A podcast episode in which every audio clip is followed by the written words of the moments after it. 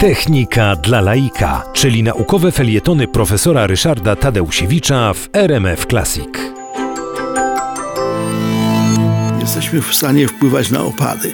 Wszyscy wiedzą o tym, że deszcz jest no, albo błogosławieństwem, albo przekleństwem, a na ogół jest akurat wtedy, kiedy go najmniej oczekujemy, najmniej go chcemy. Otóż y, okazało się, i to zostało potwierdzone już y, dziesiątkami praktycznych eksperymentów, że związek chemiczny nazywany jodkiem ołowiu, rozpylony w chmurach, może spowodować opad atmosferyczny, może spowodować, że chmura, która wcale nie miała ochoty spuścić tego deszczu, ten deszcz rzeczywiście zrzuci. Przy czym 10 mg takiego jodku ołowiu jest w stanie zrzucić w postaci kropel deszczu obłok o objętości kilkuset kilometrów sześciennych, a więc to są ogromne ilości tej wody.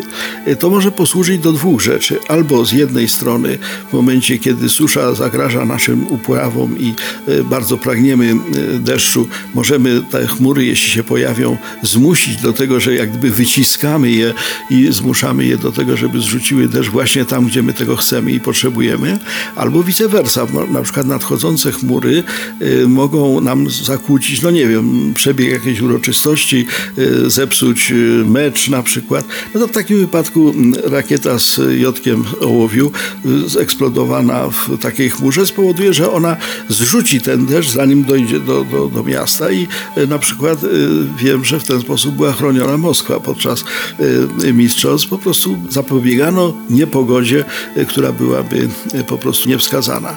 Również poważniejsze kataklizmy, takie jak tajfuny czy takie jak burze, mogą być w jakimś stopniu moderowane w tej chwili przez nasze działania techniczne. Okazuje się, że na przykład burza o katastrofalnej sile nadciągająca nad jakiś zamieszkały obszar może zostać zniwelowana, może zostać obezwładniona poprzez rozpylenie ponad tym takim kowadłem charakterystycznym chmury burzowej. Ona ma taki bardzo właśnie typowy kształt przypominający kowadło.